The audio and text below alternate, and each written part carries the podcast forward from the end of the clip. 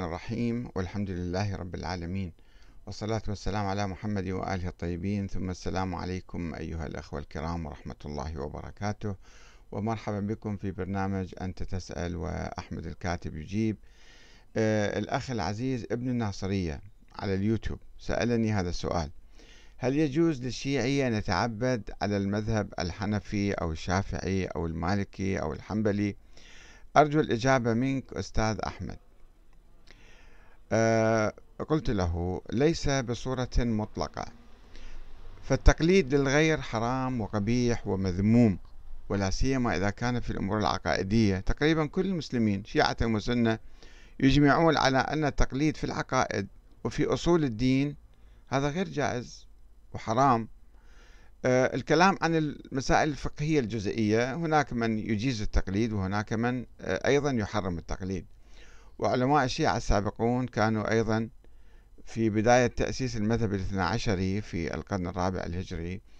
آه، الشيخ المفيد والشيخ الطوسي وغيره من من العلماء كانوا يحرمون التقليد. فتحوا باب الاجتهاد لأن الاجتهاد كان مغلق عند الشيعة الإمامية في زمن الأئمة يعني. بعدهم بمئة سنة شعروا بالحاجة إلى آه، فتح باب الاجتهاد فبعد صراع طويل بين الفقهاء فتحوا باب الاجتهاد وقالوا لابد أن نجتهد والشيخ الطوسي كتب كتاب المبسوط في الفقه على ضوء آه، فتح باب الاجتهاد. ومع ذلك كان الشيخ الطوسي يؤكد أنه لا يجوز للإنسان أن يقلد الفقيه في المسائل الجزئية حتى وإنما عليه أن إما أن يجتهد وإذا لم يستطع أن يجتهد عليه أن يسأل العلماء عن الدليل. وإذا كان في مسألة في خلاف بين العلماء يسمع لهذا العالم ولذلك العالم عن أدلتهما ويميز بينهم وينتقي الدليل الصحيح. يعني يحاول أن يرفع الإنسان أو الناس عموما من مستوى الجهل المطلق إلى مستوى التفكير والنظر وعلى الأقل الاجتهاد. ويناقش يعني يقرأ. الآن مثلا بإمكاننا نقرأ كتب مختلفة حول موضوع واحد حتى نحصل على الرأي المناسب. وإنما على الإنسان أن يجتهد وينظر في الأدلة والبراهين ويختار ما يقبل العقل ويصح نسبته إلى الله والرسول صلى الله عليه وسلم عليه.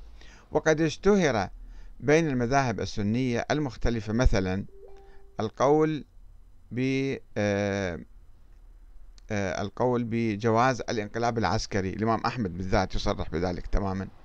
وسيطر على الأمة بالقوة والإكراه تأييدا لما فعله معاوية بن أبي سفيان عندما ألغى الشورى وحول الخلافة إلى ملك عضوض وكسروية وقيصرية. ومن بعده جاء الأمويون والعباسيون والعثمانيون وحتى الفاطميين يعني. وغيره من الحكام عبر التأريخ ولا يزال بعضهم بعض السنة رغم الموجة الواسعة والعارمة من آه، آه، الديمقراطية ويعني التحرر من الحكام الظلمة ومحاسبتهم ومراقبتهم. في عموم أهل السنة من ماليزيا وأندونيسيا إلى تركيا وإلى الجزائر وتونس وغيرها من البلاد.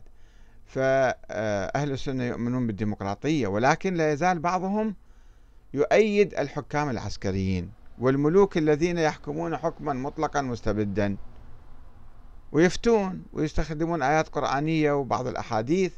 فهل يجوز تقليدهم أم ينبغي اختيار نظرية الشورى والديمقراطية بعيدا عن موقف وعاظ السلاطين من الذين يفتون في خدمة الأنظمة الجائرة. هذا الموضوع في الحقيقة أيضا أثار يعني موجة من النقاش بين الأخوة الأعزاء ونحن نحاول أن نأخذ بعض المداخلات آه، التي قد تفيدنا في هذا المجال. الأخ آه، خضير العزاوي خضير العزاوي يقول لماذا لا يجوز للمسلم أن يأخذ من المذاهب الإسلامية ما يراه يتماشى مع العقل والقلب؟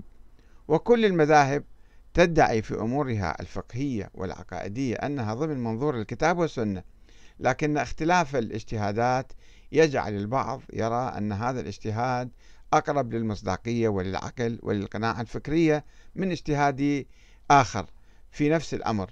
ولا أعرف ماذا تقصد بتقليد الغير حرام. هل المقصود مجرد التقليد؟ لا لغاية فقهية أو عقائدية إن كان هكذا. نعم لا يجوز. نعم وهذا ما يقصده أنه في تخلف في انحطاط في جمود في جهل عام عند بعض المسلمين. وإذا قلنا أنتم خلص قلدوا من تشاءون هذا غير صحيح. يجب أن نتبع اللامذهبية. واللا تقليد. الاجتهاد يعني اللامذهبية يعني أي رأي قديما وحديثا مطروح بين العلماء نحن ننظر فيه وإذا كان في أدلة قوية نأخذ فيه. ماذا؟ يقوم على ماذا؟ يقوم على الكتاب على السنة أو العقل أو المصلحة العامة. هناك مثلا مسائل مثل النظام الديمقراطي لا يوجد في القرآن الكريم ولكنه يقوم على العقل. فنأخذه بعقلنا ومصلحتنا مصلحة العامة للأمة الإسلامية. طبعا أخو مؤيدون وأخو بعضهم معارضين. الأخ عفوا الأخ محمد آه، سالزبرغ يقول ولكن ليس كل مكلف له القدرة على النظر والاستنباط ولكي يتقن علوم الآلة قد يفني الكثير من سنوات عمره حتى يصل رتبة الاجتهاد والنظر وهذا لا يتأتى لكل واحد فما العمل إذن؟ في الحقيقة أنا أجبته آه، بما يلي قلت آه، دعك من المسائل الفقهية الجزئية. وانظر إلى المسائل الدستورية الكبرى التي تهم الأمة كلها. ما هو الأصلح مثلا؟ والأصح الحكم العسكري والملك المطلق أم الحكم الديمقراطي العادل؟ وناقشه بعض الأخوة. الأخ بلال فحص يقول سلام عليكم. يسلم على الأخ محمد سالزبرغ.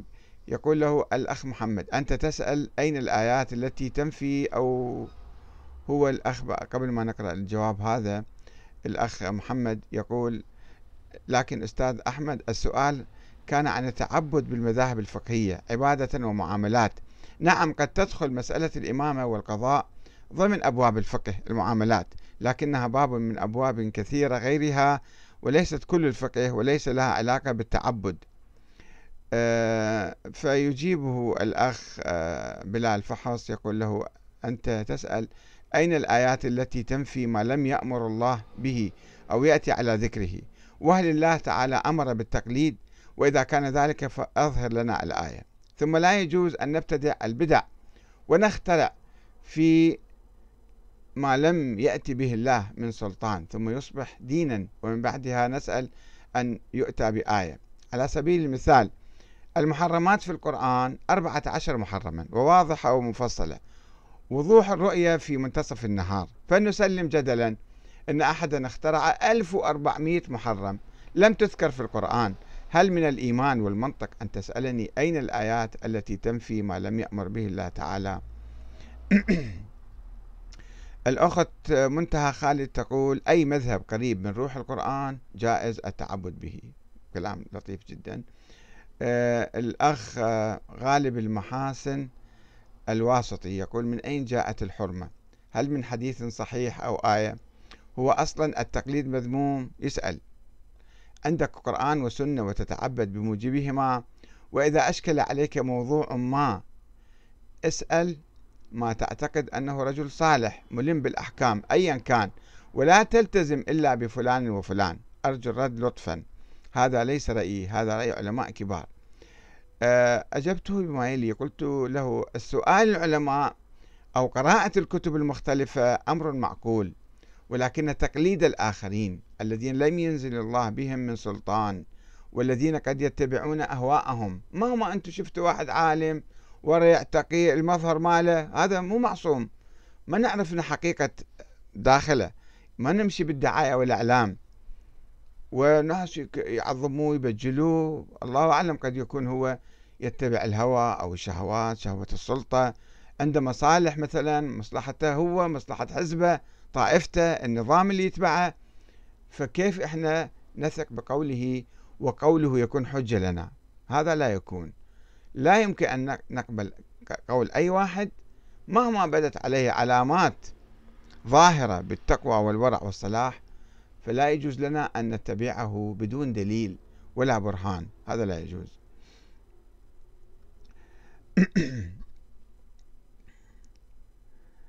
آه نعم. هنا أيضا أحاول أختصر أسئلة كثيرة ونقاشات كثيرة.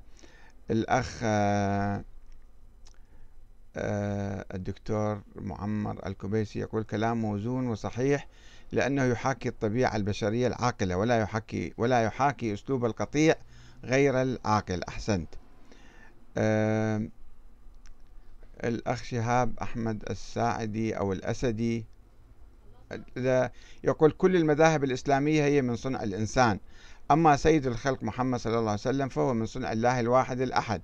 فأنا أقلد في ديني الإسلام دين محمد وبس والباقي لا شيء.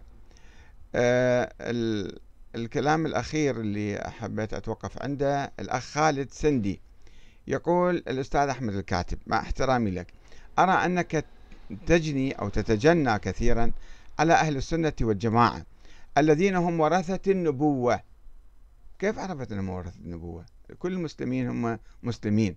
أما هذه الطائفة أو تلك الطائفة وهذا موجود خلاف بين أهل السنة. كل فرقة وكل طائفة كل مذهب من أهل السنة يدعي أنه هو ورثة النبوة. هذا كلام غير صحيح. أرفض يا أخ خالد. إيه هو يقول على حال؟ أهل السنة هم ورثة النبوة. صعب الكلام هذا. وذلك بنشرك معلومات غير دقيقة وغير صحيحة عنهم. مثلا تقول هنا أن أهل السنة والجماعة يجيزون الانقلابات العسكرية تأييدا لما فعله معاوية بن أبي سفيان رضي الله عنه والأمويون والعباسيون وغيرهم وهذا غير صحيح. ذلك أن هناك أكثر من حديث نبوي يحرم الخروج على الحاكم منها من أتاكم وأمركم جميع على رجل واحد يريد أن يشق عصاكم ويفرق جماعتكم فاقتلوه. رواه مسلم 1852 رقم الحديث. وأما إذا خرج أحد على الحاكم وتسلط على المجتمع ففيه تفصيل لا يمكن الحديث عنه بهذه العجالة.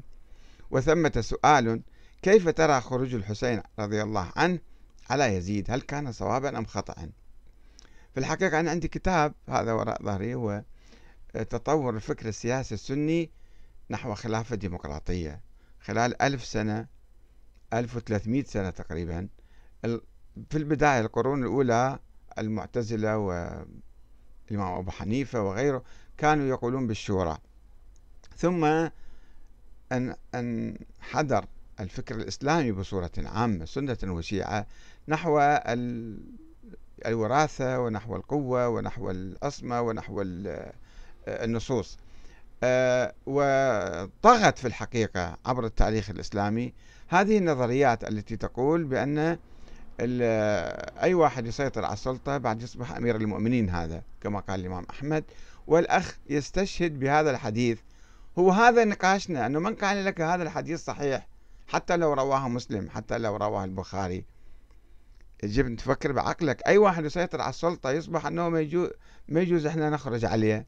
يعني في البداية هو يؤكد الأخ خالد سندي أنه آه، نبي حديث نبوي يحرم الخروج. طيب هو هذا الحاكم إذا خرج على الأمة وشق عصا الأمة وسيطر عليها بالقوة والإكراه هذا عمله مقبول وجائز وشرعي بس بعدين إذا واحد رفض هذا الحكم الظالم المغتصب للسلطة أنه إحنا لازم بعد ما يجوز نخرج عليه.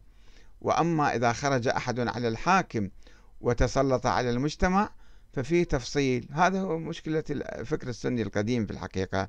قبل أن يتطور الفكر السني الحديث بصورة عامة إلى الفكر الديمقراطي. والحمد لله رب العالمين. ولو أن هناك محاولات للرد أيضا وجدتها عند بعض الأخوان من الذين كانوا يؤمنون بالنظام الديمقراطي والشورى العودة إلى الحكم العسكري. هذه فتاوى موجودة بسهولة يمكن واحد يأخذها ويقول أنا دا أعمل بالشريعة الإسلامية لأنه عندنا أحاديث وعندنا فتاوى عندنا إجماع الأمة عبر التاريخ على آه، هذا الموقف. وهذا هو الذي نريد أن نناقش فيه أنه هاي الأحاديث هذا الفكر ال... الذي يكرس الاستبداد والظلم والطغيان. وبعد في أحاديث أخرى عندنا طبعا. إذا ضربك وجلد ظهرك وأخذ مالك وكذا يجب أن تسكت ولا تتكلم. يعني الخنوع والخضوع للحكام الظلمة الطواغيت. هذا ليس من الإسلام. هذا فكر دخيل مزور وأحاديث مزورة على النبي. نحن نأخذ القرآن الكريم نأخذ العقل الذي يرفض الظلم يرفض الطغيان يرفض السرقة واللصوصية من الحكام. الحكام إذا يسرقون كل أموال الأمة هذا من حقهم. ما يحتاج إحنا نشق العصا أو نعارضهم أو مثلا آه، نستنكر ذلك. كما الآن هناك وعاظ سلاطين هنا وهناك يفتون بهذه الفتاوى أنه لا يجوز. خلص هذا ولي الأمر أطيعوا الله وأطيعوا الرسول وأولي الأمر منكم. يا الذين آمنوا أطيعوا الله وأطيعوا الرسول وأولي الأمر منكم. هذا ولي أمر وخلص بعد بيجوز إحنا نناقشه. ولا نتكلم عليها بكلمة واحدة. هذا الفكر الاستبدادي اللي مرتدي رداء الدين هذا مرفوض. فإذا نحن نقول آه، بالعودة إلى القرآن الكريم والسنة النبوية الصحيحة وليست الموجودة في الكتب آه، أحاديث أحاد مشكوك فيها. وبالعقل وبالمصلحة العامة ننظر بعيدا عن انتماءاتنا الطائفية سنية أو شيعية. ننظر بعقل وبموضوعية ونشوف ماذا يريد الله منا وما هي مصلحة المسلمين في ذلك.